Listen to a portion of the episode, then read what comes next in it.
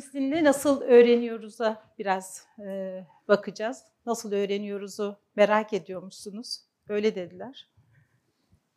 Aslında hepini, hepimiz sürekli öğreniyoruz ama nasıl öğreniyoruz hakkında biraz ben bir şeyler anlatacağım. Siz istediğiniz zaman da kesip sorabilirsiniz. Sunumun sonunu beklemeniz gerekmiyor.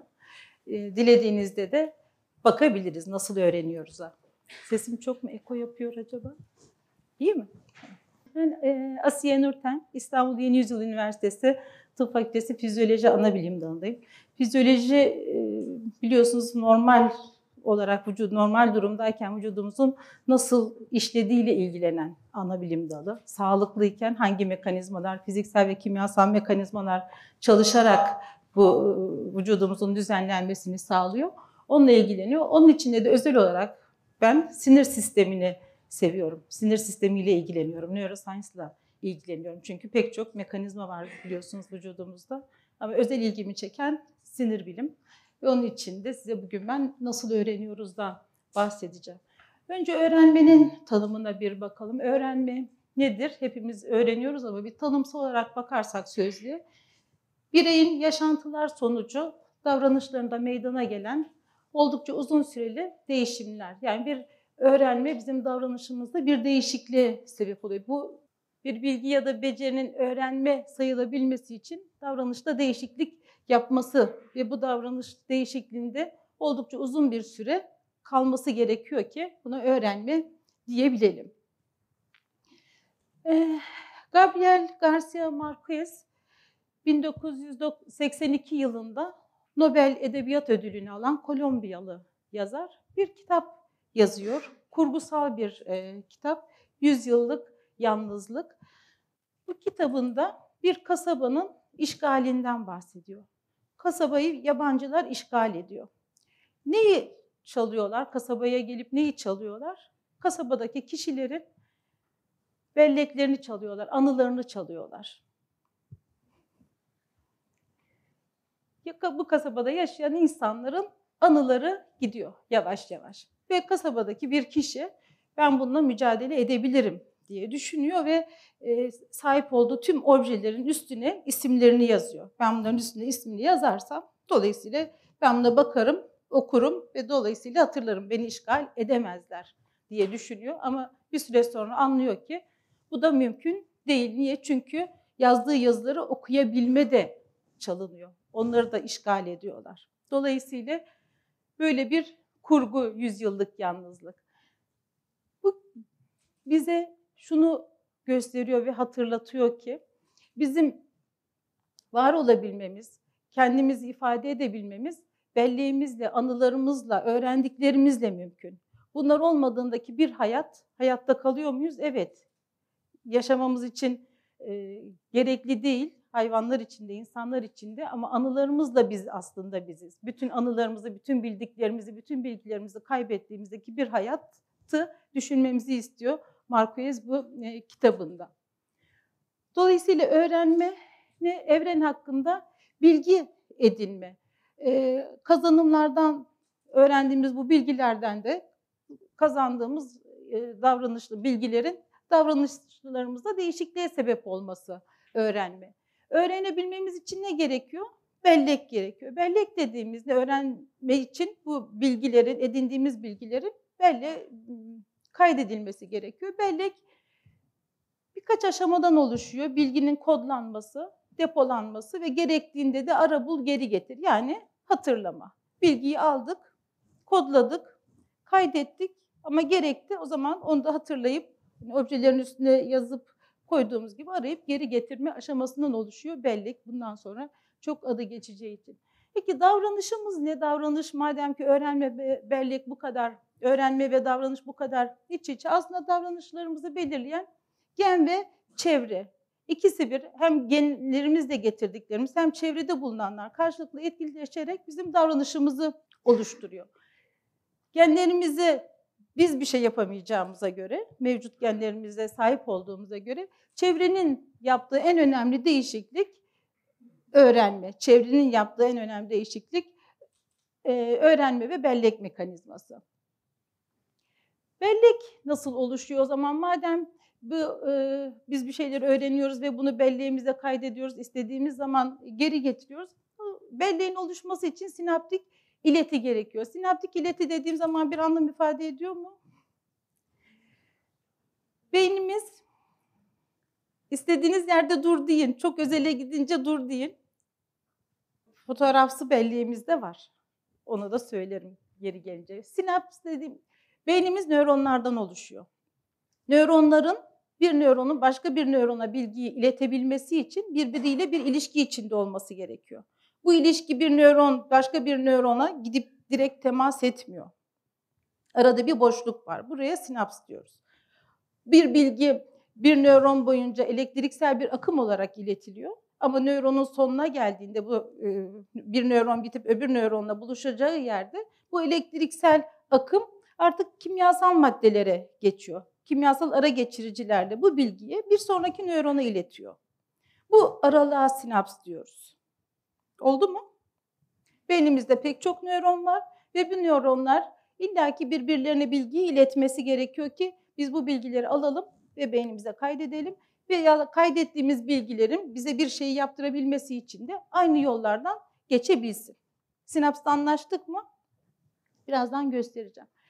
Bu e, bellek olabilmesi için sinapsta, sinapstaki bu iletinin duyarlaşması gerekiyor, hassaslaşması gerekiyor ki bir yol oluştursun, bir bellek izi oluşturabilsin. Bu yeni ve kolaylaştırılmış yola da bellek izi diyoruz. Bu nasıl bir şey? Ocak ayındayız. Bugün dışarıda karda yağmış olabilirdi. Dışarıda bir 5 santim, 10 santim, 1 metre kar olsaydı sabah kalktık baktık dışarıda kar var. Hiç kimse de henüz sokağa çıkmamış. Biz sabah erkenden yola çıktık buraya gelmek için. Ama çıktık e, bir metre kar var. O karın üstünde biz yürümek istiyoruz. Nasıl yürürüz? Zor yürürüz değil mi? Bir metrelik kar var. Adım atmamız zor. Çünkü kara basacağız. Herhangi bir iz yok. Dolayısıyla o karın üstünde zor yürürüz. Ama yürüdüğümüz zaman arkamızda bir iz oluşur mu? Halen de kar yağmaya devam etmiyorsa. O zaman ben tekrar aynı yerden yürümek istersem, aynı yoldan, o zaman az önce bastığım adımlarıma basarak daha hızlı gider miyim? Daha kolay gider miyim? Buradan tekrar tekrar gidersem ve hatta arkamdan başka şeyler de gelirse burada ne olur? Bir patika olur. Dolayısıyla çok hızlı giderim. Do- tamam mı? Bellek izi de böyle bir şey. İlk geçtiğimizde zor. Çünkü hiç kimse geçmemiş daha önce orada. Ama onu tekrarladıkça tekrarladıkça bir iz oluşturuyoruz. Bellek izi dediğimiz bu. Peki oluşturduğum bu bellek izi, beynimde oluşturduğum bellek izi ilk defa oraya geliyorsa mevcut belleklerle daha önceden oraya koyduklarımla bir karşılaştırma olabilir mi? Ben şimdi bunu nereye koyacağım? Yeni bir bilgi geldi. Ait olduğu yer nerede? O zaman karşılaştırıp zihinsel süreçlerle karşılaştırıp ben bununla daha önce karşılaşmış mıydım, var mıydı, nereye koyayımın kararını vermiş oluyor. Bellek izi dediğimiz bu. Oldu mu? Belleğin e, bu kolaylaşması az önce anlattım. Ya bu yoldan giderken kolaylaşarak oluşuyor ya da diyor ki kolaylaşmaya gerek yok. Biz dış dünyayı nasıl algılıyoruz? Beş duyumuzda değil mi? Beş duyumuzda. Neler sayalım mı? Herkes biliyor mu? Görme, işitme, tatma, koklama ve duyularımızda. Dokunma duyularımızda. Buradan gelen bilgiler ne kadar? Çok fazla. Çünkü dış dünyada çok fazla uyaran var. Şimdi bu salonda oturuyoruz. Bu salonun bir kokusu var. Var mı? Var. Çevrede pek çok ipucu var. Avizeler var, duvar var, yer var, çevre var. Çok insan var. Bu bilgilerin hepsi bize geliyor. Bu bilgilerin hepsini e, alıp saklamalı mıyız aklımızda, hafızamızda? Mümkün değil. Ne yapmamız gerek? Bu bilgiler bana gerekli değil, çok fazla. Ben onları kapatmalıyım, almamalıyım. Ve bu bilgiler geliyor. Gelmesini engelleyemem. Ama geldiği zaman hafızaya kaydetmeyi engelleyebilirim, bariyer koyabilirim. Neleri bariyer koyalım, neleri alalım, neleri almayalım? Bizim için önemleri Alalım. Burada güzel bir Atatürk resmimiz var. Aa, salona girdik baktık Atatürk resmi. Evet bu bizim dikkatimizi çekti. Belki salonda başka resimler de var. Bunu diğer resimleri hafızaya koymaya bariyer koyabiliyoruz. Ama Ata, evet bir salona gittim ve orada Atatürk resmi vardı. Bunu aklınıza koyabiliyorsunuz. Bu kadar fazla uyarandan bazılarını seçmiş oluyoruz. Dolayısıyla beynimiz bir karar veriyor. Bu uyaranları kaydedeyim mi, kaydetmeyeyim mi? Olumlu bellek, olumsuz bellek. Ha, bunlara gerek yok diyorsa bunlar olumsuz bellek. Yok ben bunu kaydetmem gerekiyor diyorsa o zaman olumlu bellek ki gelen pek çok bu duyularımızda aldığımız uyarıların pek çoğunu bunlar gereksiz, olumsuz deyip onları eliyoruz. Olumlu olanları kaydediyoruz. Nelerin olumlu olduğuna nasıl karar veriyoruz? Az önce söylediğim sinapslarda bir e, iletimin duyarsızlaşması söz konusu e, du, ya da duyarsız duyarlılaşması söz konusu. Yani ne oluyor? Daha kolay uyarıyı alır hale geliyor. Demin anlattığım karda yürümem gibi. İlk defa orada yürüdüğümde zor ama tekrar tekrar orada yürüyorsam daha kolay o uyarıyı alabiliyorum, belleğime kaydedebiliyorum. Çünkü o hassas hale gelmiş oluyor benim e, belleğim bu uyarıyı almaya. Ya da bir sinapsta alışma söz konusu. Gelen uyarıları e, bu uyarıyı ilk defa duyduğumuzda siz şimdi biz burada oturuyoruz. Dışarıdan çok güçlü bir ses duysak ne yaparız? Hepimiz yanıt veririz bu sese değil mi? Ne oldu diye yerimizden kalkarız, bakarız. Neymiş bu ses? Baktık. Ses var. Önemli bir şey yok. Bize enterese eden bir şey de değil. Zarar verecek bir şey de değil. Döndük yerimize oturduk. Biraz sonra aynı ses tekrar olsa, aa yine ses deriz otururuz. Bir süre sonra o ses tekrar ediyor olsa bile artık o sesi duymayız.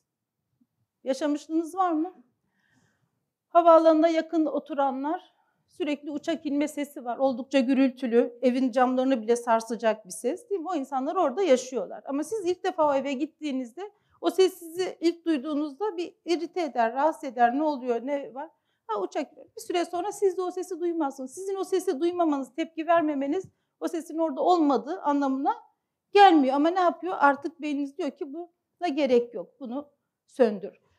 Alıştık o uyarıya. Yanıt vermedik. Sinapslarımız alıştı buna.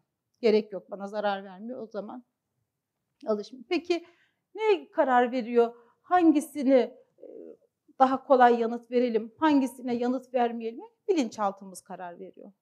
Bilinçaltımız diyor ki evet bunlara yanıt vermeye devam et. Yok bunlara yanıt vermene gerek yok. Belli kaydedeceğimiz, yanıt vereceğimiz yanıtları belirlemede bilinçaltımız bu nedenle önemli. Peki belleğimiz ne kadar süreli? Belleğimizi e, süresine göre üçe ayırıyoruz. Üç şekilde inceliyoruz ya da belleğimiz üç şekilde çalışıyor. Bir tanesi çok iyi bildiğiniz gibi saniyeler içinde çalışan bellek, bellek kısa süreli bellek. Telefon numarasına baktınız. 0532 235 çevirdiniz ve bekliyorsunuz. Karşısı alo dedi. Alo dediği anda hangi numarayı çevirdim desem biliyor musunuz? Bilmiyorsunuz. Ama az önce siz çevirdiniz.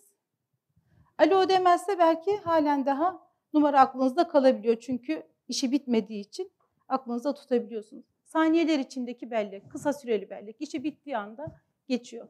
Saniyeler, dakikalar kadar ancak saklayabilen bellek türümüz. Orta süreli bellek, günler, haftalar boyunca e, bilginin saklandığı bellek. Eylül ayı geldi, eğitime başladınız. Derslere giriyorsunuz, hocalarınız dersleri anlatıyor. Siz günü gününe çalışıyorsunuz. Bilgilerin hepsi aklınızda. Sonra ara sınav geldi. Ara sınava girdiniz. Bütün bilgileriniz aklınızda. Çünkü henüz daha günler, haftalar geçti. Sınavdan çıktınız. Notunuz da çok güzel. Sonra hocanıza soruyorsunuz. Hocam finale, finalde ilk vizeye kadar olan konulardan soracak mısınız? Hoca hayır diyor. Tamam. Tamam bilgilerin hepsi ne oldu? Uçtu mu? Hemen hemen. Yok finalde de soracağım dedi. Eyvah o zaman onları biraz daha çalışmam gerek. Oluyor mu? Evet. Soracakmış. Hatta bir de yıl sonunda sınav varmış. Eylül'de başlamıştık. Hazirandaki sınavda da Eylül'deki konulardan soracakmış. O zaman onları uzun süreli belleğe koymamız gerekiyor ki "Aa, ben hayatımda bu işi yapacağım. Bu bilgiler bana hep lazım. O zaman onları ömür boyu saklayacağınız bilgi haline geçirmiş oluyorsunuz. Süre olarak üç tip belleğimiz var bu nedenle.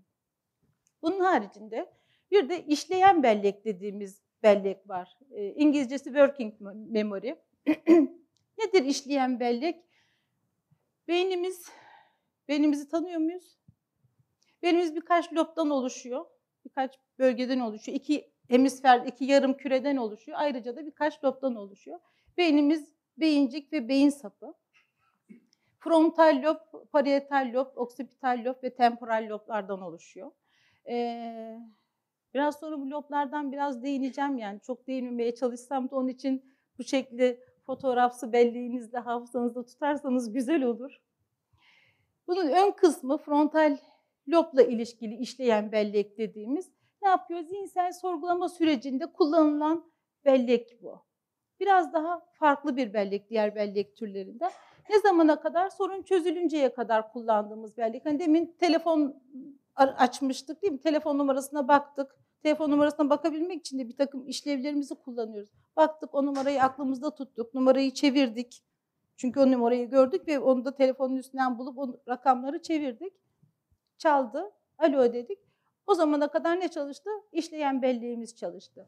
İşleyen bellek amaçla ilgili ve işleyen belleğin de iki tipi olduğu gösterilmiş. Bir verbal bellek, sözlerle, kelimelerle ifade ettirmiş. Bir görsel uzamsal bellek, yerimizi, yönümüzü bulmamızı, eşyaların birbirine göre konumunu kendimizi konumlandırmaya yarayan e, bilgiler. Ve bunları da yürütecek, bunları da kontrol edecek, denetleyecek bir yürütücü kontrol sistemleri var. Beynimiz biliyorsunuz çok, bütün vücudumuzu kontrol ediyor. Hiçbir şeyi kontrolsüz bırakmıyor. İşlemi yapacak ama onu e, yaparken de onları kontrol eden, denetleyen sistemleri de beraberinde bulunduruyor. İşleyen belleğimizde e, ön frontal hemen alın lobu dediğimiz kısımda bulunan e, nöronların yaptığı işlevler. Kısa süreli bellek bir kısa süreli işlevi yaparken çalışan bilgilerin olduğu kısım. Peki bu kısa süreli belleğimizin kapasitesi ne? Kadar bilgiyi kısa süreli bellekte tutabiliriz? Yaşla beraber değişiyor. 3 yaşında 3 birimlik bilgiyi tutarken 7 yaşında 5 birimlik bilgiyi tutuyoruz.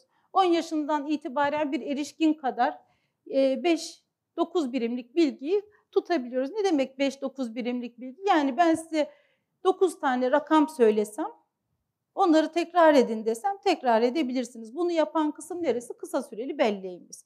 Ya da 5 tane, 9 tane, 5-9 arası kelime söylesem ve tekrar etmenizi istesem hemen peşine tekrar edebilirsiniz. Araya zaman koymazsak, arada başka konular konuşmazsak, dakikayı aşmazsak. Birkaç saniyeyle dakika süresince tutabiliyor. Ne işimize yarıyor bu kısa süreli bellek? Hayatta bunu nasıl kullanmış oluyoruz? Ya da bir kitap okurken bazı başınıza gelmiştir. Bazı kitapları okumayı hiç sevmezsiniz. Elinize alırsınız alırsınız bırakırsınız. Bu kitabı bir türlü ısınamadım, hiç sevmedim. Bu kitap bana hitap etmiyor dersiniz. Çünkü o kitaptaki bütün cümleler 15-16 kelimeliktir. Kısa süreli bellek kapasitesini aşar. Aşan kitabı sevmeyiz. Çünkü bitecek.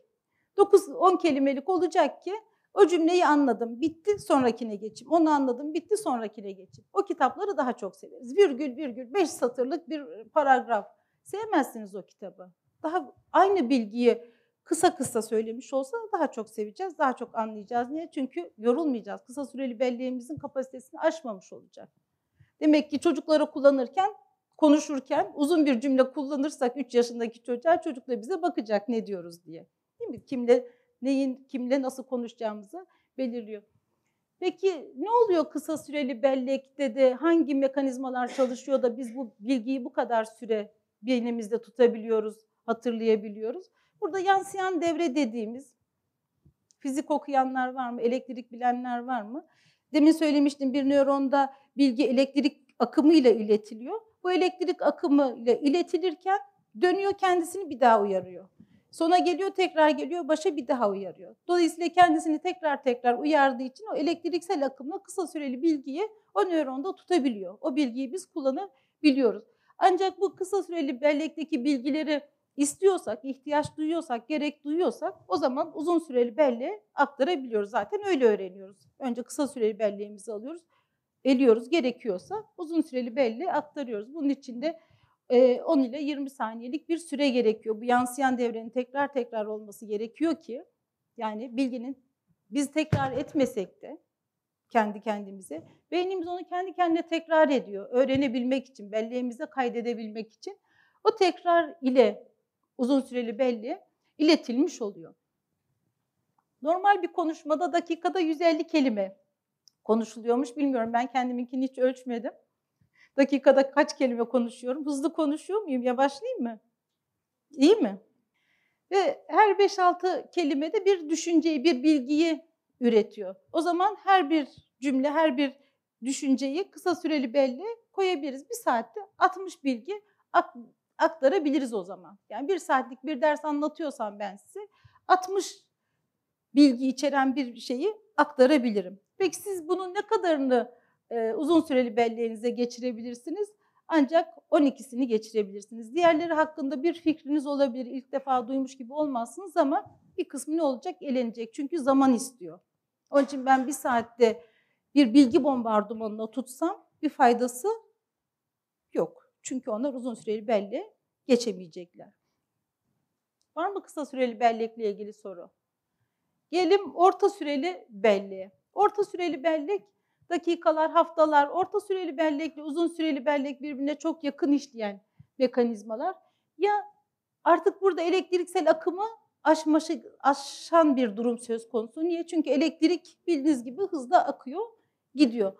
Elektriksel akımın yanında e, postsinaptik zarda, sinaps yapmadan önceki bölgesinde sinirin bir kimyasal değişiklikler ya da fiziksel değişiklikler olması gerekiyor ki orta süreli bellek kaydedebilsin. Orta süreli belleğin nasıl olduğunun aydınlatılmasını Eric Kendall yapmış bir nöropsikiyatrist. 2000 yılında bu çalışmasıyla Nobel almış kişi. Aplazya'da çalışıyor. Aplazya bir e, deniz salyangozu. Niye onda çalışıyor? Nöronları çok büyük. Dolayısıyla daha kolay görüntülenebiliyor. Ee, birkaç dakika ile 3 hafta kadar süren bellek olduğunu, orta süreli bellek dediğimiz bellek olduğunu göstermiş.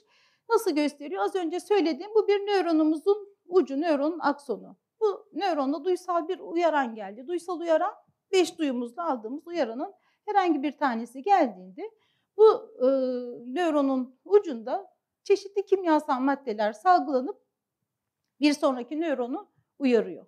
Az önce söylediğimiz gibi bu bilgi geldi ama bu bilgiye yanıt vermemiz gerekmiyor.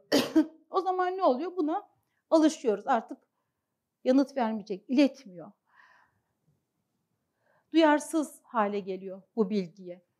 Ancak bu duysal uyaranla beraber bir başka nöron daha uyarırsa, duysal uyaranı, buradan zaten bilgi geldi. Bu ağrılı bir uyaran olabilir, e, haz veren, güzel bir uyaran da olabilir. Sadece ağrılı olması gerekmiyor. Bu nöron da bu nöronu uyarırsa, duysal nöronu uyarırsa o zaman bu kolaylaşmış bir uyarı oluyor. Duysal ve kolaylaştırıcı uyaran aynı anda gelirse o zaman daha güçlü, daha hızlı bir bilgi aktarımı gerçekleşmiş oluyor. Olumsuz bilgi gibi ihmal edileceğine, söneceğine bilakis güçlenmiş oluyor. Ve bir süre sonra ben bu kolaylaştırmış uyarını ortadan kaldırsam da öğrenme devam ediyor. İki hafta geçti, üç hafta geçti.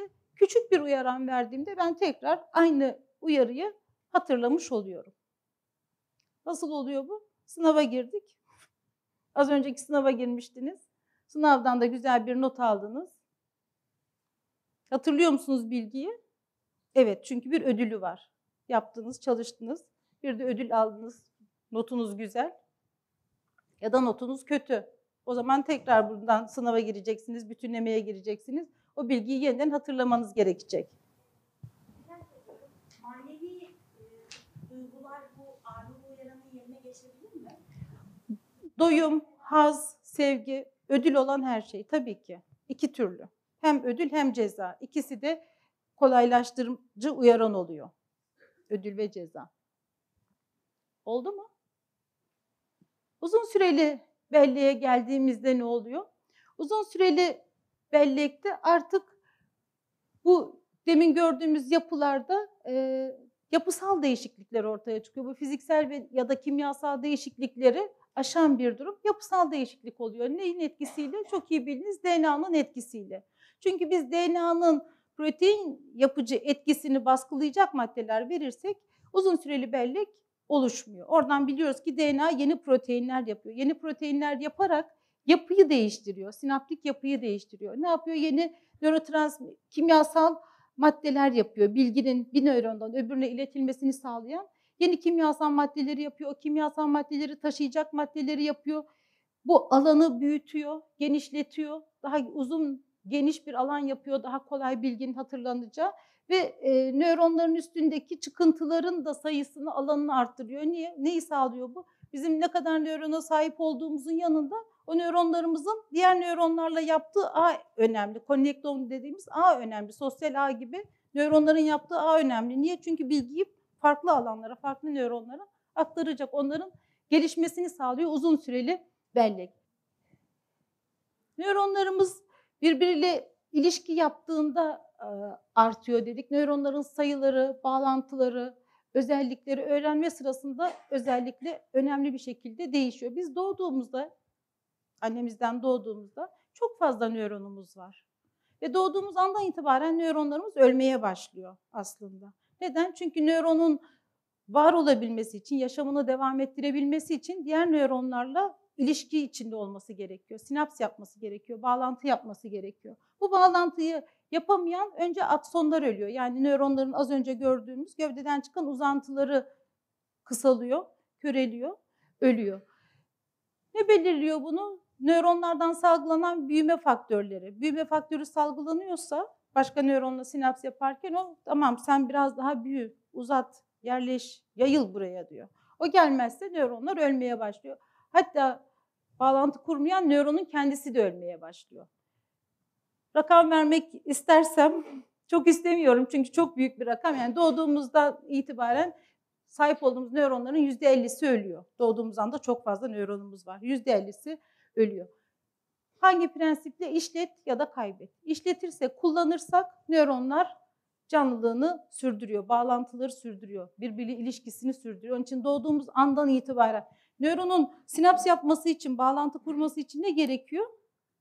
Uyaran gerekiyor. Uyaran beş duyumuz. Beş duyumuzla uyaran alırsak onlar da daha fazla bağlantı yapıyor. O zaman doğduğumuz andan itibaren ne kadar farklı uyarana maruz kalırsak o kadar farklı nöronumuz hayatını sürdürmeye devam eder. Çünkü onları biz zaten gelirken getiriyoruz beraberimizde. Bunun için deney yapılmış. Hayvan çalışması tabii ki. Hayvan doğduğunda bir gözü kapatılıyor. Bir gözü kapatmak ne demek? O gözden gelen görme bilgilerinin beyne gitmemesi demek. Az önce görmüştük ensemizdeki lobumuz, oksipital lob. Gözden gelen bilgiler görme siniriyle gidip oksipital bölgemizde sonlanıyor. Bu gözden hiç bilgi gelmezse, hiç bilgi gelmediği için kullan ya da kaybet prensibiyle oksipital bölgenin o bölgesindeki nöronlar ölüyor. Daha sonra biz gözü açsak çünkü gözün görme kısmı sağlam aslında. Hiçbir şey yok. Hiçbir yerde hasar yok. Sadece ne oldu? Bilgi gelmedi. Gözü açtığımız zaman belli bir süre sonra gözü açsak da artık o göz görmüyor. Niye? Görme bilgilerini değerlendirecek alandaki nöronlar öldüğü için. Onun için ya kullanacağız ya da e, kaybedeceğiz. Onun için çocuklar doğduğu andan itibaren ne kadar çok uyarana, ne kadar farklı uyarana, ses, tüm beş duyumuzdaki tüm uyaranlara maruz kalırlarsa o kadar fazla nöronları gelişmiş oluyor. Ne zamana kadar gelişiyor? Beynimiz kaç yaşına kadar gelişiyor? Gelişimini kaç yaşında tamamlıyor?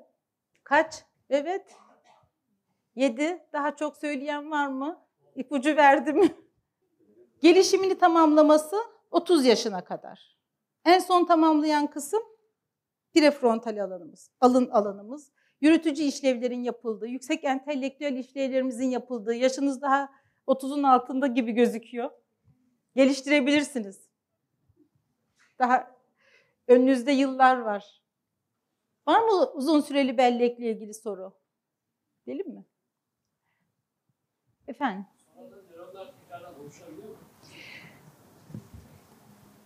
Yani nöronların da bir kök hücresi, kök nöronlar olduğu gösterilmiş. Çok az, çok yavaş. Diğer hücrelerimizde mukayese edersek çok çok az. Nöronu, yeni nöron yapmaktan ziyade yeni bağlantı kurması daha önemli. Ama ölmüş nöronun yerine önceden nöron ölüyorsa bir daha yapılmıyor. Kök hücre yok diye düşünüyordu ama gösterilmiş var. Ama çok az ve çok yavaş. Bir nöronda bir bilgi mi saklanabiliyor? Yoksa her aksonda mı bir bilgi saklanabiliyor? Bir daha Her aksonda, her ters sinapslarda mı bir bilgi saklanabiliyor sadece yoksa birçok bilgi saklanabiliyor mu? Çok bilgi saklanıyor. Göster- göstereceğim birazdan. Çok bilgi saklanıyor tabii ki. Çok fazla. Bir akson bir bilgiyi saklamıyor. Çok fazla bilgiyi saklıyor ve iletiyor. Bellek izi oluşturmak için ne yaptık? Önce karda bir kere yürümüştük değil mi? Kodladık ama sonra üstünden tekrar tekrar geçtik. Ne yaptık? Pekiştirdik. Belleğin e, konsolide olması gerekiyor. Pekiştirilmesi gerekiyor bir bilginin e, hatırlanabilmesi için, belleğe yerleşebilmesi için. Kısa süreli bellekten uzun süreli belleğe geçmesi için dakikalar gerekiyor. Güçlü bir pekiştirme için bir saat gibi bir zaman gerekiyor. Biz ne yapıyoruz e, belleğe kaydetmek için? Bazen bilerek yapıyoruz değil mi? E, telefon numarasına baktıysak, bunu aklımızda tutmak istiyorsak içimizden onu tekrar ediyoruz. Tekrar tekrar söylüyoruz ki o bilgiyi aklımızda tutabilelim, uzun süreli belleğe geçirebilelim. Biz yapmasak da beynimiz bunu kendisi tekrar tekrar yapıyor. Az önce söylediğim gibi ya yansıyan devrelerle ya e, uzun süreli e, potansiyasyon dediğimiz beynimizde bellek için kullanılan farklı bir elektriksel iletim sistemi nedeniyle aynı bilgiyi uzun süre tutuyor ki uzun süreli belleğe geçebilsin. E, ancak e, bir şey öğrenilirken, yaşanırken orada bir kesinti olursa o zaman o bilgiyi biz uzun süreli belleğe geçiremiyoruz. Ne demek istiyorum? Turing koluna göre bir araba kazası olduğunda araba kazasını yaşarken kişi aslında bilinçli, bilinç kaybı yok. Yani olan biten her şey gözünün önünde oluyor. Görüyor. Karşıdan araba geldi, diğer arabaya çarptı. Arabanın içindeki kendisi ise hele sonra sorduğunuzda nasıl oldu? Hepsini anlatamıyor. Niye? Çünkü olay çok hızlı gelişiyor. Olay çok hızlı geliştiği için onun uzun süreli belleğe geçirme hızından daha hızlı geliştiği için olayın hepsini hatırlayamıyor. Arada kopukluklar oluyor. Oldu mu? Bunun gibi anestezi verirsek, anestezi ne? Estezi duyuların algılanması, anestezi duyuların algılanmaması. Genellikle ameliyat için kullanıyoruz. Ameliyat sırasında olanları kişi algılıyor mu? Hatırlıyor mu? Hatırlamıyor. Hemen ondan önceki dönemi de hatırlamıyor. Bunun gibi ciddi bir travma olursa kısa süreli bellekten uzun süreli belleğe bilgilerin geçişi kesintiye uğruyor. Niye? Çünkü bilginin kısa süreli bellekten uzun süreli belleğe geçmesi için tekrar edilmesi gerekiyor. O tekrar kesintiye uğrarsa çeşitli nedenlerle o zaman konsolide olmuyor, pekiştirilemiyor. Yineleme, tekrar etme kısa süreli bellekten uzun süreli belleğe geçmesini güçlendiriyor. Okula gittik, dersi dinledik. Derse gitmeden önce bir bakıyor musunuz bugün ne anlatılacak, bugünkü konu ne? Hayır.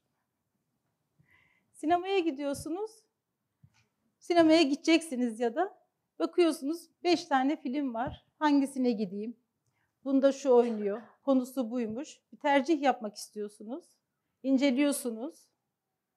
İki saatinizi, bir buçuk saatinizi vereceksiniz. Para vereceksiniz bir de üstüne. Bir fikriniz var. Ben birazdan bir sinemaya gideceğim. Burada şu şu şu oynayacak duygusal, romantik. Şu kişi oynayacak. Şurada geçen bir hikaye. Bir ön fikirle gidiyorsunuz sinemaya değil mi? Bu sizi ne yapıyor? İzleyeceğiniz filmi hazırlıyor. Beynimizi hazırlıyor. Derse geliyorsunuz. Bugün ne anlatılacak? Aa bugün bunu anlatacak. Zaten beyninizin buna hazırlanması için bir zaman gerekiyor. Bir dakika neymiş, ne anlatılacakmış, konuya bir hazırlanayım. Geçti zaten dersin 15 dakikası oluyor. Doğru mu? Tekrar etmemiz onun için gerekiyor. Geldik dersi dinledik. Sinemadan çıktınız. Arkadaşınızla ne yapıyorsunuz? Film hakkında bir tartışıyorsunuz. Film şöyleydi, burası şöyle güzeldi, burasını beğenmedim. Daha önce seyrettiğim şu filmle böyle benziyordu. Diyor musunuz? Evet. Tekrar etmiş olduk böylece. O filmi bir hafta sonra bir başka arkadaşınız bir hafta sonra gitmiş. Bir de onunla konuşuyorsanız bir hafta sonra aa evet hatırladım geçen hafta ben gitmiştim şurada şu olmuş. Daha o sahneyi ben fark etmemiştim. Bak evet gerçekten bu da böyleymiş dediniz. Böylece orta süreli belleğinizde kaldı. Bir de bir yıl sonra tekrar etseniz o filmi, aa ben bunu görmüştüm deseniz sonra o filmi ömür boyu unutmuyorsunuz. Nerede olduğu gibi derslerimizde olduğu gibi tekrar etmek onun için önemli. Günlük tekrar önemli. Niye kısa süreli bellekten orta süreli belleğe geçmesi? Evet bu bilgi önemli. Bu uzun süreli belleğe geçsin diye düşündüğüm belli. Hem beynimiz tekrar ediyor hem de bizim o bilgiyi tekrar etmemiz gerekiyor ki belleğimizde pekişmeyi sağlayabilelim. 100 tane konu var. 100 tane konuya da şöyle baktım. Hangisi aklımda kalır? 10 tane konu var. Bir tanesini seçtim ve ben bunda iyice derinleştim. Hangisi aklımda kalır? Derinleştiğim konu çok daha fazla aklımda kalır. Derinliğine bilmek. Çünkü öğrendiğimiz bilgilerin bir kısmını unutacağımız malum. Dolayısıyla çok bir şey bilirsem halen aklımda epeyce bir şey kalmış oluyor. Derinliğine bilmek bu nedenle önemli. Peki benim farkındalığım ya da dikkatim ya da bilinç düzeyim öğrenmeme etkiler mi? Sabah kalktınız uyku mahmuru geldiniz saat 8.30 dersi bir gözünüz açılmış öbürü açılmamış kahvaltı da etmemişsiniz. O dersi mi daha iyi anlıyorsunuz? 12 olmuş kahvaltınızı etmişsiniz, çok dinçsiniz, sohbetlerinizi yapmışsınız, telefon mesajlarınıza bakmışsınız, hazırsınız. O dersi mi daha iyi hatırlıyorsunuz? Uykunuz çok gelmiş. Hangisi? Dolayısıyla bizim beynimizin uyanıklık düzeyi de pekiştirmeyi kolaylaştırıyor. Ne zaman pekiştirelim? Ne zaman ders çalışalım? Akşam yatmadan önce, sabah kalktığımızda.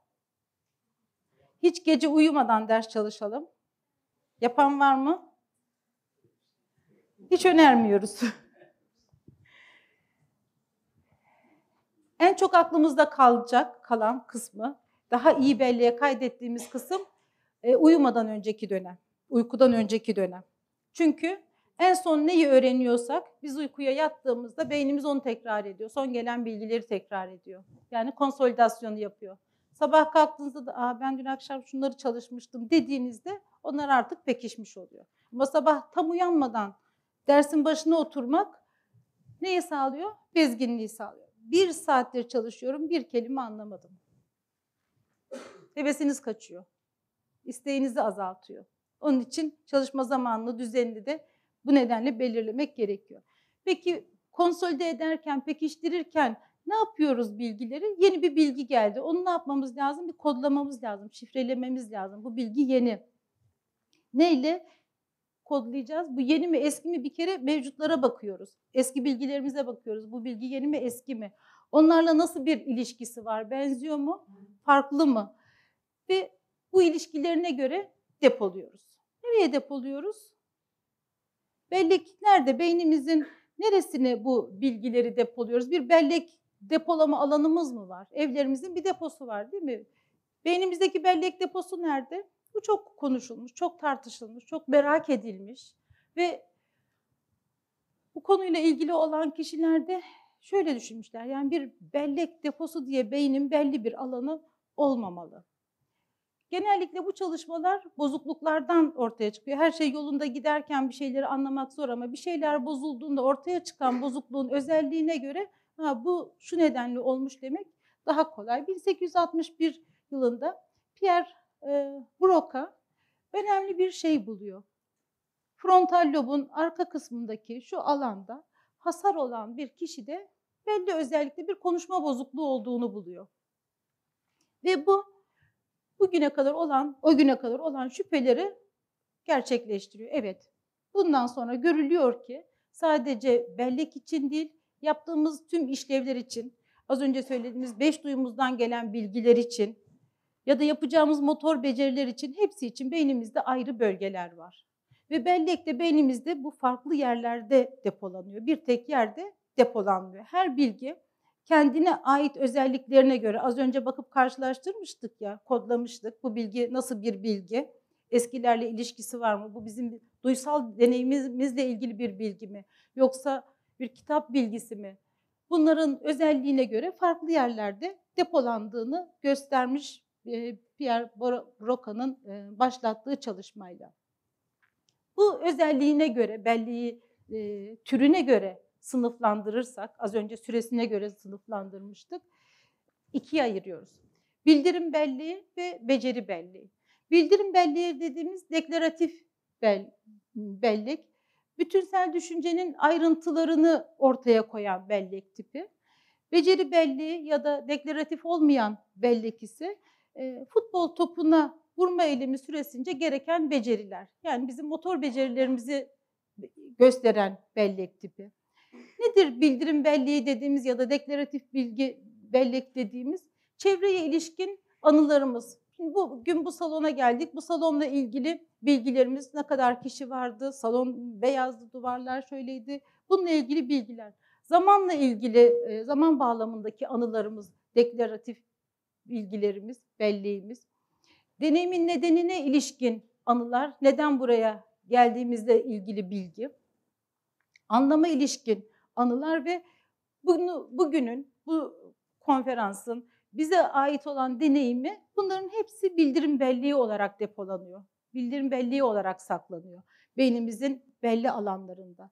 Beceri belleği dediğimizde ne dedik? Bir e, motor becerimizi gösteriyor. Futbol oynuyor, futbol seviyoruz, futbol oynuyoruz. Topu görmek, top ile ayağımızın ilişkisini kurmak, benim bedenim, bacağım, ayağım nerede, top hangi hızla geliyor, ona göre ben hangi açıdan, ne zaman, hangi açıdan ayağımı hareket ettirirsem, vücuduma şu pozisyonu verirsem topa vurup gol yapabilirim becerisinin olduğu, bunları sağlayan, bu bilgileri sağlayan kısımda beceri belleği olarak ikiye ayırmış oluyoruz. Aynı zamanda belleği e, açık bellek ve örtük bellek olarak da tanımlayabiliyoruz. Deminki deklaratif, non-deklaratif belleği, açık bellek, deklaratif bellek bilinçli bir gayretle hatırlanıyor. Yani ben nedenini, benle bu olayın benle ilgili anılarını, çevrenin koşullarını bilerek, isteyerek insanlarla, nesnelerle ilgili bilgi yatırıyorum. Bu esnek ve birçok bilgi parçasından oluşuyor. Ve onları tek tek çağırıp hatırlayabiliyorum hafızamda. Ancak örtük bellek dediğimiz bilinçsiz olarak hatırlanıyor. Nasıl yapıldığıyla ilgili olan bilgi katı ve öğrenme koşuluna bağlı. Yani hiçbirimiz futbolda oynamıyorum ama futbolda oynayanlar bilir ki top karşıdan geliyorsa bir dakika. Şimdi o oyuncu şu açıdan gerildi. Bacağını bu kadar gerdi. Topa şu e-mail'e verecek vuracak. Öyleyse bir ivme hesabı yapayım. Top şu açıdan gidecek. Tam bu noktaya gelecek. Ben şu pozisyon... Ve bir hesap yapıyor musunuz? Yapmıyorsunuz. Ne oluyor? Siz düşünmeden, bilincinizde olmadan zaten pozisyonunu alıyorsunuz. O kadar hızlı gelişiyor ki bu olaylar. Ama bunu nasıl sağlamış oluyorsunuz? Tekrar tekrar, tekrar tekrar egzersizi yaparak değil mi? Futbolcular antrenman yapmadan o beceriye gelebiliyorlar mı? Evet bazılarının gerçekten Rıdvan mıydı? Doğru mu? Futbolda çok seviyeli bir ilişkim var. Evet doğuştan bazı insanların yetenekleri var gerçekten topu gördüğü anda hangi e-maile geleceğini bilebiliyor. Ama hiç kimse antrenman yapmadan o beceriyi pekiştirememiş oluyor. Refleksif dediğimiz üstüne düşünmeden ama onun için örtük. Ama öğrendiğimiz biliyoruz, hesaplıyoruz ve o noktada bulunup yapmamız gereken davranışı yapabiliyoruz. E, açık bellek aynı zamanda tekrar ayırıyoruz. E, epizodik bellek ve sementik bellek olarak. Epizodik bellek dediğimiz olaylara dayanan bellek, kişisel deneyimler. Evet, baharın ilk çiçeklerini gördüğümüzü hatırlıyoruz. Bu bizle ilgili bir şey. Bir olay var, o olayın bizde yarattığı etki var ama sementik bellek dediğimiz gerçekler. Kelimelerin ve kavramların anlamının öğrenilmesi. Kurşun ağırdır, kurşun serttir. İşte hava kışın hava soğuk olur gibi sabit bilgilerin olduğu bellek tipi. Biz öğrendiğimiz şeyleri nasıl e, hatırlayabiliriz? Amnezi ne demek biliyor muyuz? Amnezi hatırlayamama, unutma. Ee, bu kelimelere baktığımız zaman bu kelimeleri yokluk, gelir, kısrak, tartışma, peynir, element dediğimiz kelimeleri bir kişiye söylesek ve bu kişi bunları tekrar edebilir. Ancak amnezili bir kişiye bu kelimeleri gösterdiğimizde tekrar edemiyor. Çünkü unutuyor. Bellek kusuru var, belleğinde hasar var. Ancak çalıştırırsak bu kişiyi amnezisi olduğu halde yani uzun süreli belleğe kayıtta hataları olduğu halde nasıl çalıştıralım? Bu kelimelerin sadece ilk hecelerini gösterelim. Ve ilk hecelerini gösterdiğimizde görüyorsunuz kişi tekrar tekrar bunu yaptıktan sonra yoku gördüğünde yokluk, geli gördüğünde geliri söyleyebiliyor. Amnezisi olduğu halde. Buradan da yola çıkılıp deniyor ki bir kişinin am- amnezisi varsa yani unutkanlığı varsa her şeyi unutmuş değil. Niye her şeyi unutmuş değil demin söylemiştik. Çünkü bellek yaygın beynimizin her tarafında. Onun hatırlamamasının sebebi beyninin bir yarı, bir tarafındaki bir hasardan dolayı, dolayı ise diğer şeyleri öğrenebiliyor ve hatırlıyor. Ancak bu kişiye desek ki yani beş gündür bu kelimeleri çalışıyoruz. Nasıl ne münasebet ilk defa görüyorum sorduğunu söylüyorum diyor. Sizinle tekrar tekrar bunu çalıştığını hatırlamıyor ama kelimelerin kelimeleri söyleyebiliyor, kelimeleri tamamlayabiliyor. Güzel mi? Niye test sınavına karşıyız anladınız mı? İşte bunun için karşıyız. Bir grup test sınavı yapmak istemiyor. Ülkemizin artık %99 tüm ilk orta üniversite düzeyinde bütün sınavlar test usulü. Değil mi? Klasik değil. Kimse sormuyor, anlatmıyor. Test usulünün avantajı ne? Şıkları altta görüyorsunuz. Ben tıp fakültesinde öğretim üyesiyim tabii ki. Biz de öğrencilerimize test usulü sınav yapıyoruz ama ileri sınıflarda e, klasik sınav yapıyoruz, sözlü sınav yapıyoruz. Çünkü öğrenciye soruyu sorunca, bir soru soruyorsunuz. E, şıkları göreyim. Şıkları görüyor. Şıkları görünce doğru cevabı buluyor. Hatırlıyor çünkü. Çünkü hatırlatıcılarımız var bununla ilgili. Ama bu şıkları görmeden cevabı söylemek için bilginin çok daha fazla bilinmesi, hatırlanması, çok daha fazla yerlere kaydolması gerekiyor. Ben de diyorum ki öğrencilere hasta size benim A influenza, B grip, C su çiçeği şıklarıyla gelmeyecek. Dolayısıyla siz kelimeyi tam olarak ya da tanıyı tam olarak söylemeniz gerekecek. Onun için onun için test usulü aslında kolaylaştırıcı, hatırlamamızı sağlayıcı tabii ki. içinde çeldirici koyuyor tabii ki hocalar size tuzak olsun diye ama iyi öğrenmek için. Niye? Çünkü bu bilgiler bize e, gerekiyor. Söylediklerimizi bellek tiplerini bakarsak uzun süreli belleğin demek ki iki tipi var. Deklaratif olmayan ve deklaratif e, olan, gerçeklere ve olaylara dayanan e, olarak ayırıyoruz. Hazırlanması, işlenmesi, e, ilişkili öğrenme, ilişkisiz olmayan öğrenme, alışma ve duyarlaşma olarak farklı e, uzun süreli belleğe bilgileri geçirme imkanımız var.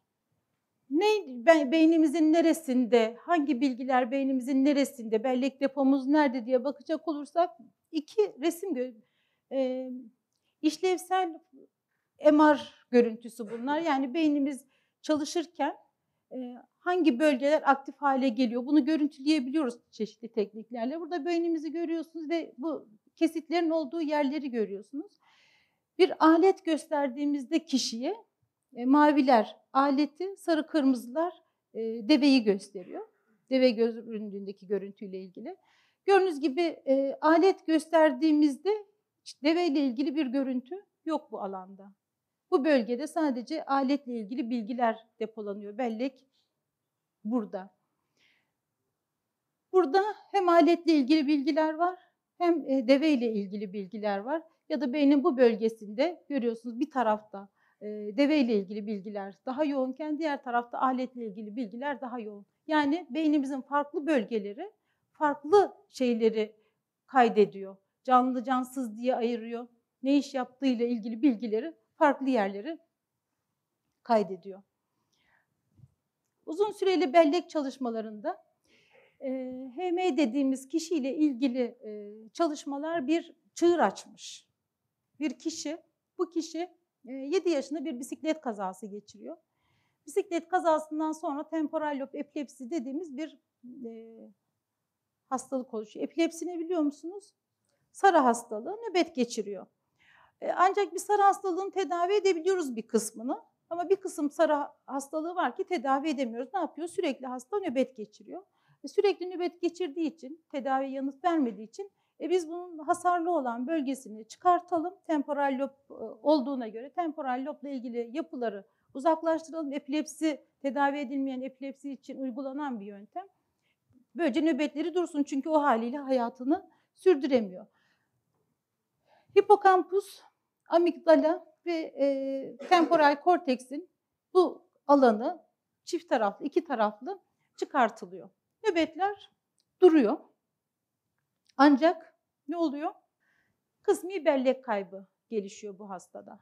Kısmi bellek kaybında e, bir, bir, takım bellek kaybı var. Ancak hastanın işleyen belleği normal çalışıyor. Working memory çalışıyor. Yani telefon numarasına bakıp telefonu çevirebiliyor. Saniyeler, dakikalar içindeki bellek işlerini yapabiliyor. Ameliyattan önceki tüm olayları hatırlıyor. Uzun süreli bellek korunuyor. Daha önceden kayda geçen bellek korunuyor. Adını biliyor, işini biliyor. Kelimeleri içeren genel dil işlevlerini sürdürüyor. Anlamsal bellek korunuyor, IQ korunuyor. Ancak e, belleğin yeni bilgileri öğrenip onları uzun belleğe kaydetme ortadan kalkıyor. Ve böylece bu hastadan yola çıkılarak deniyor ki hipokampus bilgilerin kısa süreli bellekten uzun süreli belleğe geçmesi için gereken kısımdır. Hipokampusu çıkarttığımıza göre artık kısa süreli bellekten uzun süreli belleğe geçmiyor. Diğerleri korunuyor. Niye? Çünkü oraya hiçbir şey yapmadık. Onlar orada kaydedilmişti. Onlar duruyor. Ama yeni bilgiler gelmiyor. Working memory de korunuyor çünkü onun da hipokampusla işi yok. Ön frontal lobun işleviydi. Hipokampus ne yapıyor? Belleğin depolanmasını sağlıyor. Hipokampusta bir hasar olduğunda ileriye dönük yani o hasardan sonraki bilgiler uzun süreli belleğe kaydedilmiyor. Sözsel ve simgesel bellekler ortadan kalkıyor. Hipokampus e, bilginin özelliğine göre ödül ya da ceza bağlamında bilginin tutulmasına karar veriyor. Çünkü hipokampus aynı zamanda hemen altındaki amigdala ile yakın ilişkide. Amigdala da bizim ödül ve ceza merkezlerimizin olduğu bölge. Bizim dış dünyaya dış dünyayla ilgili dış, dış beynimizin dış dünyaya açılan penceresi. Dolayısıyla bir e, uyaran e, ceza mahiyetindeyse, ceza merkezini uyarıyorsa beynimizdeki ağrı ya da sakınma uyarısı o zaman o bilgi saklanıyor. Niye ceza merkezini uyaran bilgiyi saklıyoruz? Korunma açısından değil mi? Ceza merkezini uyardığına göre bu kötü bir şey, bize zarar veren bir şey. Ağrılı uyaran ne yapar? Ne ağrıtır? Elimize iğne battıysa canımız yanar. Bu bilgiyi saklamamız gerekir. Bir kere sobada elinizi yakarsınız, beş kere yakmazsınız. Çünkü öğrendiniz artık. Sobaya elimi değdirirsem canım yanıyor. Bir daha da elinizi sobaya tutmazsınız. Bu çünkü sizin ceza merkezinizi uyarır. Bu bilginin saklanmasını sağlar. Ya da ödül merkezinizi uyardı. Sınava girdiniz, iyi not aldınız. Evet başardım dediniz. Ödül merkeziniz uyarılığına göre yeniden çalışırsınız, güzel çalışırsınız değil mi? E çok çalıştınız, sınava girdiniz, başarısız oldunuz. O zaman motivasyonunuz düşüyor, ilginiz azalmış oluyor. Haz, doyum, hoşnutluk, mutluluk da ödül merkezini uyarıyor. Ödül merkezine uyardığımız bilgiler uzun süreli belli geçmesini sağlıyor. Yine e, temporal lobun, hipokampus ve altındaki özel bölgeler farklı bellek işlevleri için özelleşmiş durumda. Aynı zamanda bildiğiniz gibi beynimizin sağ ve sol yarı küreleri de farklı işlevleri için özelleşmiş durumda. Sağ hipokampus daha uzamsal bellekle ilgili bilgileri saklarken neredeyiz, hangi konumdayız, bir cisimlerin birbirine karşı konumu, bizim konumuzla ilgili bilgileri saklarken e, sol hipokampus kelimelerin, objelerin, insanların hatırlanmasında rol oynuyor sağ sol ayrımı da bulunuyor. Hipokampus ne için gerekli değil? Beceri öğrenmek için gerekli değil. HM isimli hastamız halen futbol oynayabiliyor. Futbol oynamayı öğrenebiliyor. Çünkü onun için hipokampus ve altındaki yapılar amigdala gerekmiyordu. Beceri belleği e, refleksif öğrenme için gerekmiyor. Spor türlerini bu nedenle öğrenebiliyor. Az önceki hastamıza, HM hastasına böyle bir ödev veriyoruz. Aynada eline bakarak yıldız çiz diyoruz. Aynada eline bakarak yıldızı çiziyor. Görüyorsunuz ilk gün çok hata yapıyor. İkinci gün hatalar azalıyor. Üçüncü gün neredeyse hiç hatasız yıldızı çiziyor. Hastaya diyorsunuz üç gün çalıştım bak başardım. İlk defa yapıyorum diyor. Onları hatırlamıyor. Onları hatırlamıyor ama beceriyi hatırlıyor. Beceri geliştirebiliyor ama sizi gördüğünü, böyle bir şeyle çalıştığını, böyle bir egzersiz yaptığını hatırlayamıyor. Niye? Çünkü hipokampus yok. Hipokampustan uzun süreli belli bilgi iletilemiyor. Bu yeni bilgilerin kaydedilmesi. Peki geçmiş bilgileri unutabilir miyiz? Geriye doğru bilgilerimizi kaybedebilir miyiz? Böyle bir hastalık biliyor musunuz? Ne? Demans, Alzheimer tipi demans ya da demans. Geçmişe ilişkin bilgileri unutuyor. Önce hangilerini unutuyor? En yakındakileri unutuyor. En son ilk anıları unutuyor. Çocukluk anıları en son unutuluyor. Niye? Çünkü çocukluk anıları çok tekrar edilmiş. En çok tekrar edilen en eskiler. En az tekrar edilen en yeniler. Dolayısıyla önce yeniler unutuluyor. Sonra gittikçe, unutkanlık arttıkça, beyindeki hasar arttıkça eski anıları da unutmuş oluyor. Hepsine bir bakarsak, bir çevremiz var dedik. Bu çevreden beş duyumuzla uyarıları e, alıyoruz. Bu duysal uyarılar kısa süreli bellekte işleniyor, tekrarlanıyor, kodlanıyor, hatırlanıyor ve uzun süreli belleğe geçiyor. Kısa süreli bellekte zihinsel bir e, tekrar var ve bu tekrara göre, uzun süreli belli, kısa süreli belleğin işlevine göre çevreye tekrar biz ne yapıyoruz? Bir davranış değişikliğiyle yanıt oluşturuyoruz. Ne gördük, nelerin üstünden geçtik, nelerden bahsettik dersek öğrenme ve belleğin farklı şekilleri olduğunu, belleğin kodlama, depolama ve hatırlamadan oluştuğunu, belleğin doğasının ve hatırlama özelliklerinin farklı olduğunu, bellek deposunun tek olmadığını, beynimizin her yerinde depolandığını ve bilgi çoklu temsil edildiğini gördük. Bir e, egzersiz yapalım mı beraber?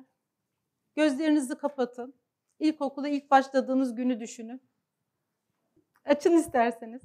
Sonra yapın ayrıntılı. Buna başladığınızda önce o resmin ortasında en net kendinizi görüyorsunuz ya da gün için ne önemliyse onu görüyorsunuz. Üstünde düşünmeye başladığınız zaman bu resmin, o günün ne yapıyor? Resim gittikçe renkleniyor, çeşitleniyor ve netleşmeye başlıyor. Zenginleşiyor resim.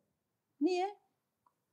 Çünkü o günle ilgili bütün bilgiler beynimizin farklı yerlerinde. Biz onlara ne dedik? Ara bul geri getir dedik. O anılarımızı ara bul geri getir. Hepsini başka bir yerden getiriyor. Biri giderken öbürünü de yanında çekiyor.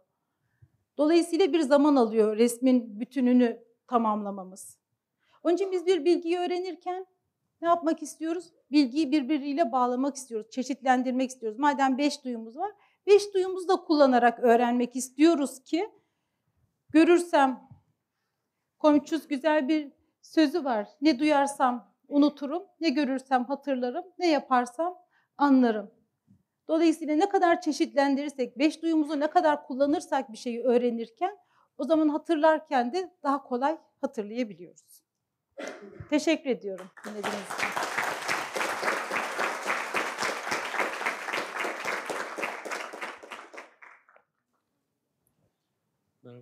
Teşekkür ederim sunumunuz için. Talha Kabukçu İstanbul Sosyoloji son sınıf. Geçenlerde bir etkinlik için telefonuma kay- kayıt yapacaktım takvime. Ee, kaydederken arkadaşım dedi ki ya kaydetme dedi. Neden dedim. Ee, ileride dedi ciddi unutkanlığa yol açabilir bu tarz şeyler dedi. Öyle bir şey okudum dedi. Bu tarz küçük şeyler ileriye dönük uzun sürede hafızayı az kullanmaya ve zayıflamasına neden olur mu? Çok ciddi şeylere yol açar mı? Teşekkür ederim. Kullan ya da kaybet. Kullanırsak evet. Ve şu andaki teknoloji gerçekten böyle bir şey ortaya koyuyor. Çünkü hiçbir şey aklımızda tutmaya ya da öğrenmeyi birçok şeyi öğrenmeye ihtiyaç duymuyoruz gerçekten. Eskiden biz dil ailemizin, arkadaşlarımızın yakın akrabalarımızın herkesin telefon numarasını ezbere bilirdik. Şimdi ben kızımın telefon numarasını ezbere bilmiyorum. Nasıl olsa telefonda yazıyor ama telefonunuzda bir şey olduğunda kalıyorsunuz. O kullanmamaya meylediyor. Çünkü insan vücudu ataletten yana. Daha az kullanayım, daha az iş yapayım. Kullanırsak gelişiyor. Yani şimdi az önce bahsettik nörodejeneratif hastalık, Alzheimer kulla, e, korunmak için ya da olmayı önleyici yöntem olarak önerilenler yüksek entelektüel düzey, farklı işlevler yapmak, beynimizin farklı alanlarını kullanmak.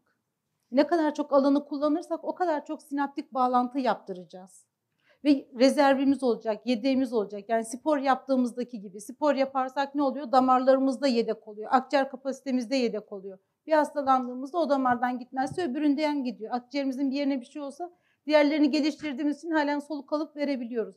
Ama beynimizi kullanmaya kullanmıyor, bağlantılara ihtiyaç yoksa niye tutayım diyor. Tasarruf tedbirleri. İhtiyaç duyarsa geliştiriyor. Konnektomu yapıyor, ağ kuruyor. Evet.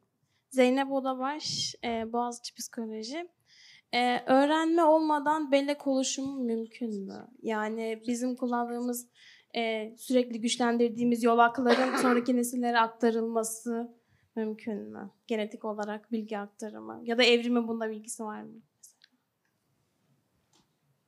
öğrendikli karşılıklı hani gen ve çevre diye başta söylediğim tabii bizim öğrendiklerimiz, öğrendiğimiz her şey genlerimizde değişiklik yapıyor mu? Uzun süreli bellekte yapıyor.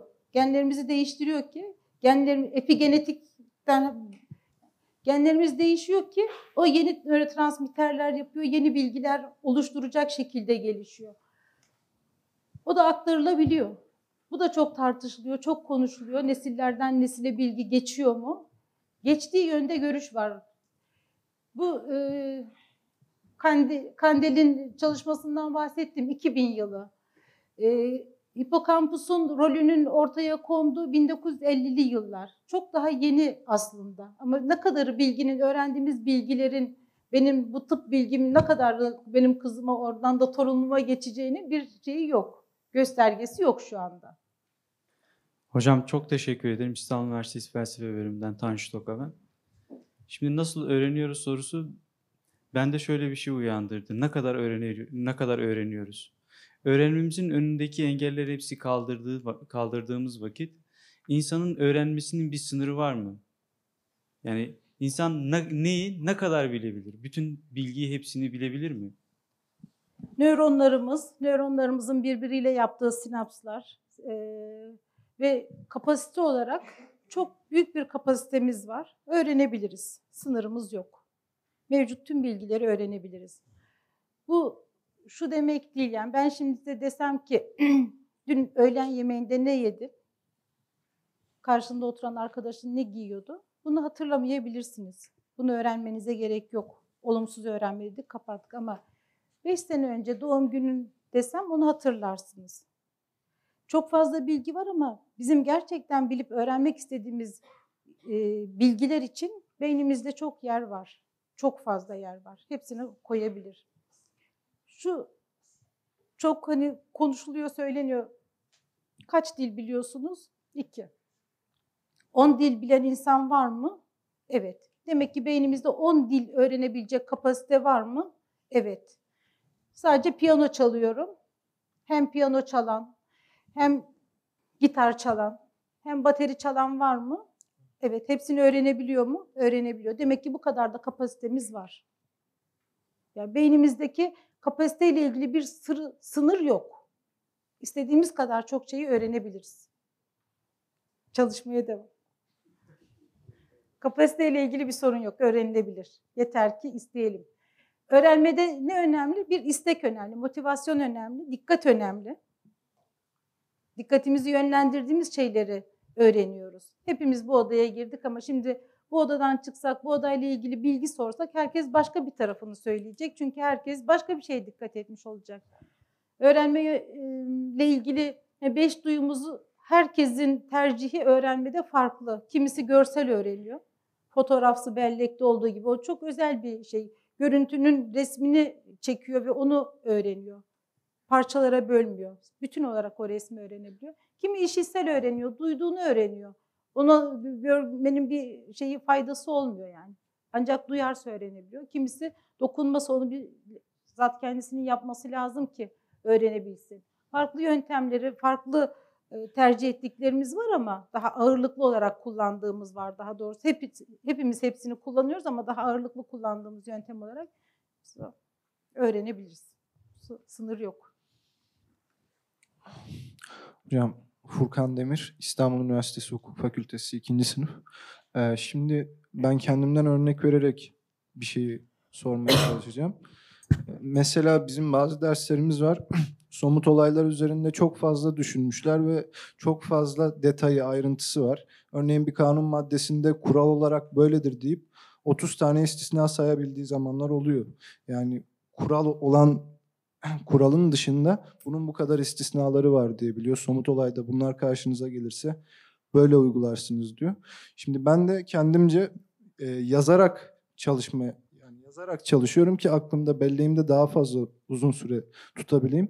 Hani bu açıdan tavsiye edebileceğiniz bir şey var mı? Çünkü bazen 400 sayfalık bir kitaptan 100 sayfaya yakın not çıkartabiliyorum. Daha sonra onu okuduğumda oturuyor ama hani çok fazla zaman alıyor. Yani bir tavsiyeniz var mı acaba? Ee, daha teknikler var, daha bütünsel bakmak gerekiyor. O bütünselin içinden gerçekten önemli şeyleri not olarak çıkartmak gerekiyor. Herkes kendi yöntemini bir noktadan sonra seçiyor ama tabii e, 300 sayfalık kitaptan mı 100 sayfalık özet oldu? Daha çok. Hukuk zor, kolay gelsin. Hocam bitti mi? Yazmak, öğrendiğinizi sözlü söylemek. Çünkü bir motor kısmını da işin içine kattığımızda daha kolay öğreniyoruz. Sadece aklımızdan geçirdiğimizde öğrenmemiz daha zor. O yolu kullanmak gerekiyor. Motor olarak ifade etmek gerekiyor. Çünkü söylediğimizde yüksek sesle ders çalışırken yüksek sesle okuduğumuzda iki yolu da kullanıyoruz. Hem okuyoruz hem görsel hem işitsel yolu kullanıyoruz. Değil mi? Ne kadar çok yolu kullanırsak, ne kadar farklı alana bilgileri yayarsak o kadar daha kolay hatırlayabiliyoruz. Siz onunla yapabiliyorsanız ne güzel bulmuşsunuz yolunuzu. Yaptıkça yaptıkça daha kısa özet çıkartmayı belki sadece hatırlatıcıları e, azaltabilirsiniz. Yoksa güzel. Tebrik ediyorum. Ben bir sorudan ziyade bir şey söylemek istiyorum.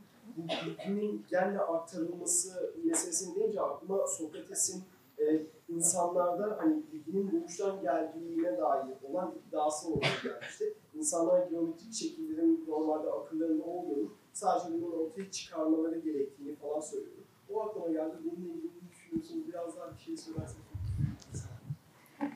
Yani bir takım bilgilerimiz doğamızda var zaten.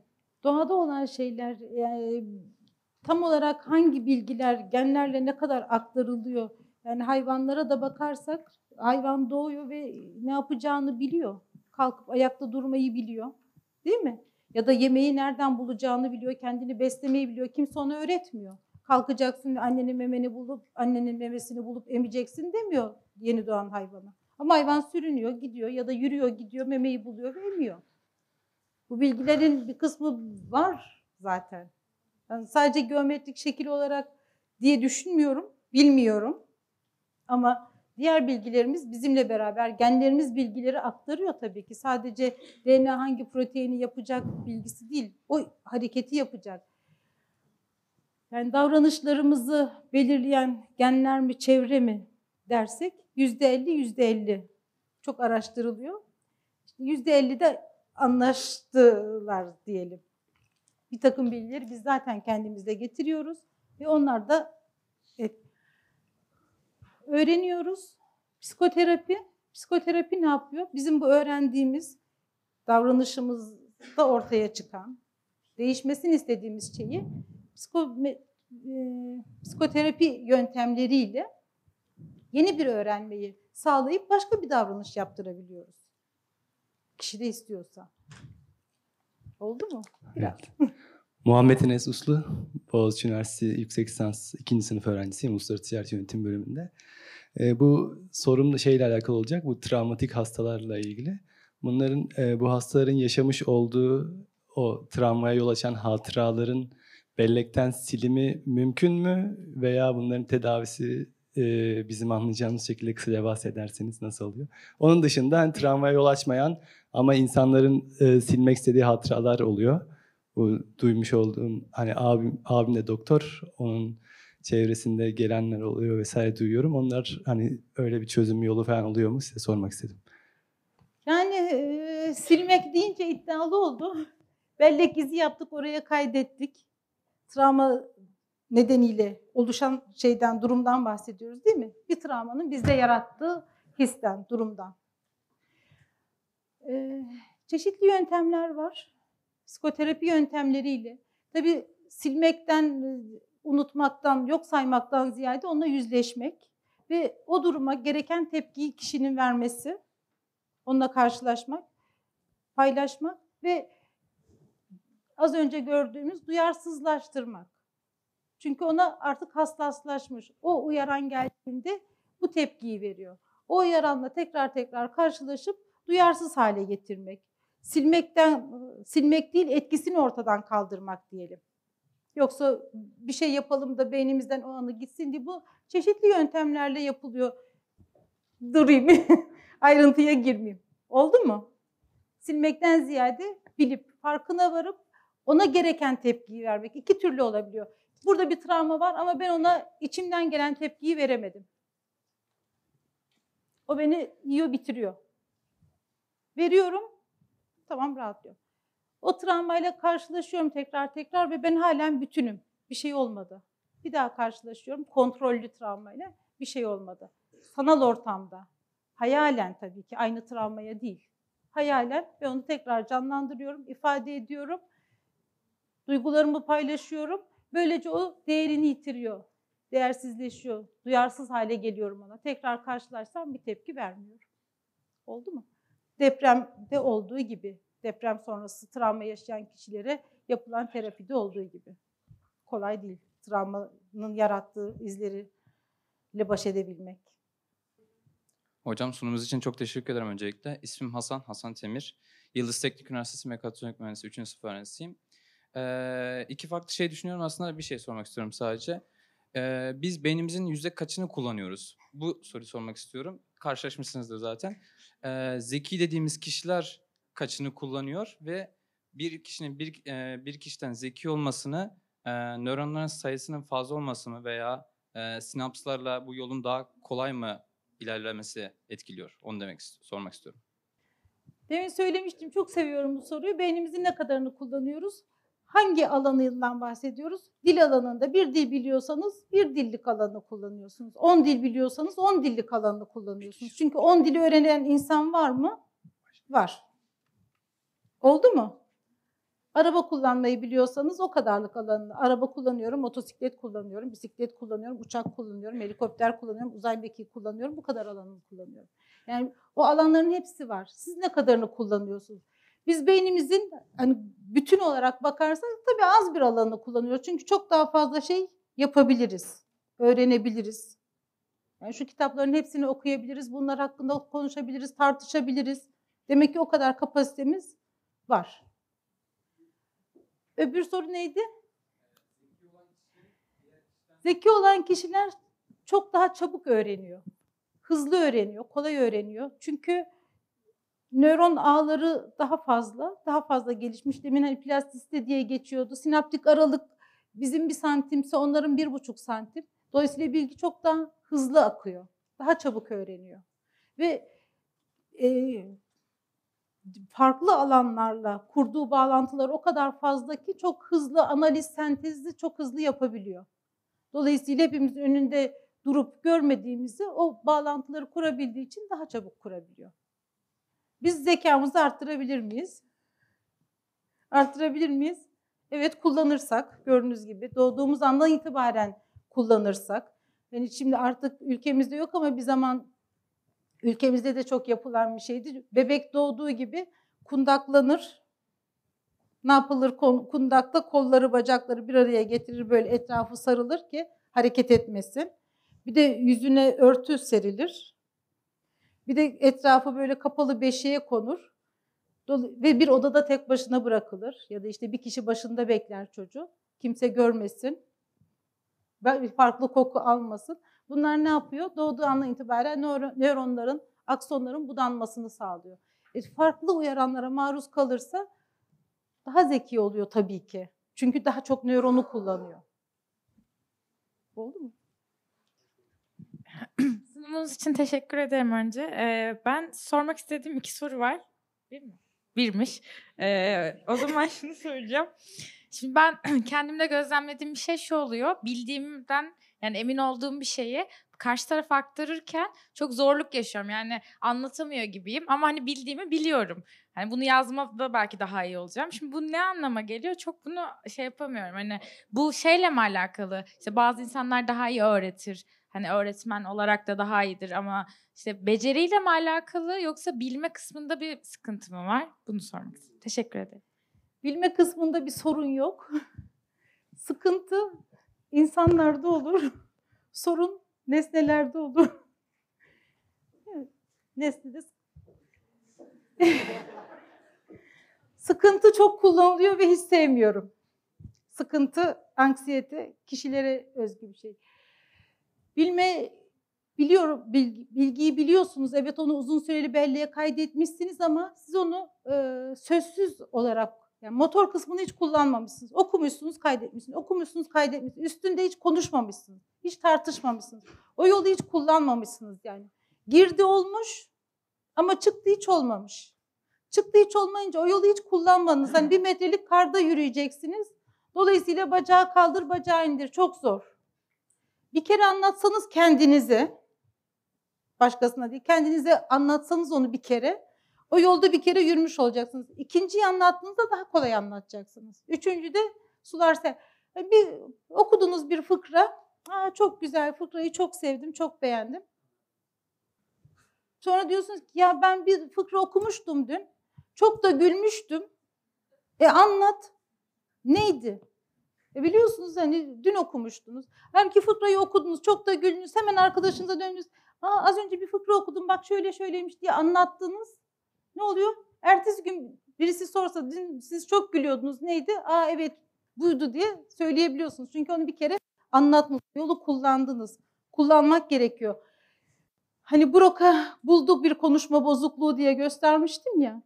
Brock'a konuşmamızı Wernicke alanı, zeka ile ilgili alan, daha beynimizin çok farklı alanlarından bilgilerin geldiği, yani hangi kelimeyi seçeceğiz, şimdi ben burada ne kullanacağım, bir de onların sözlü ifade kısmı var. O kısmı hiç kullanmazsak, o kısım bunları nasıl yapacağını bilmiyor. Hangi ses telimi kullanarak hangi harfi seçeceğim onu bilmiyor. Biz onu yapmalıyız ki onun için yüksek sesle bir şey anlatacaksınız. Önce kendinizi anlatmalısınız ki o yol kullanılsın, öğrensin. O da öğreniyor. Motor beceriler de öğreniliyor. Hani nasıl futbol topuna vurmayı öğrendik, konuşmayı da öğrenmemiz gerekiyor ki ifade edebilelim. Yoksa bilgilerim var evet. Yazılı sınav olsa, hani test usulü olsa onların hepsini doğru söyleyeceksin. Ama anlat deyince anlatamıyorsun. Doğru mu? Tamam. Teşekkür ederim.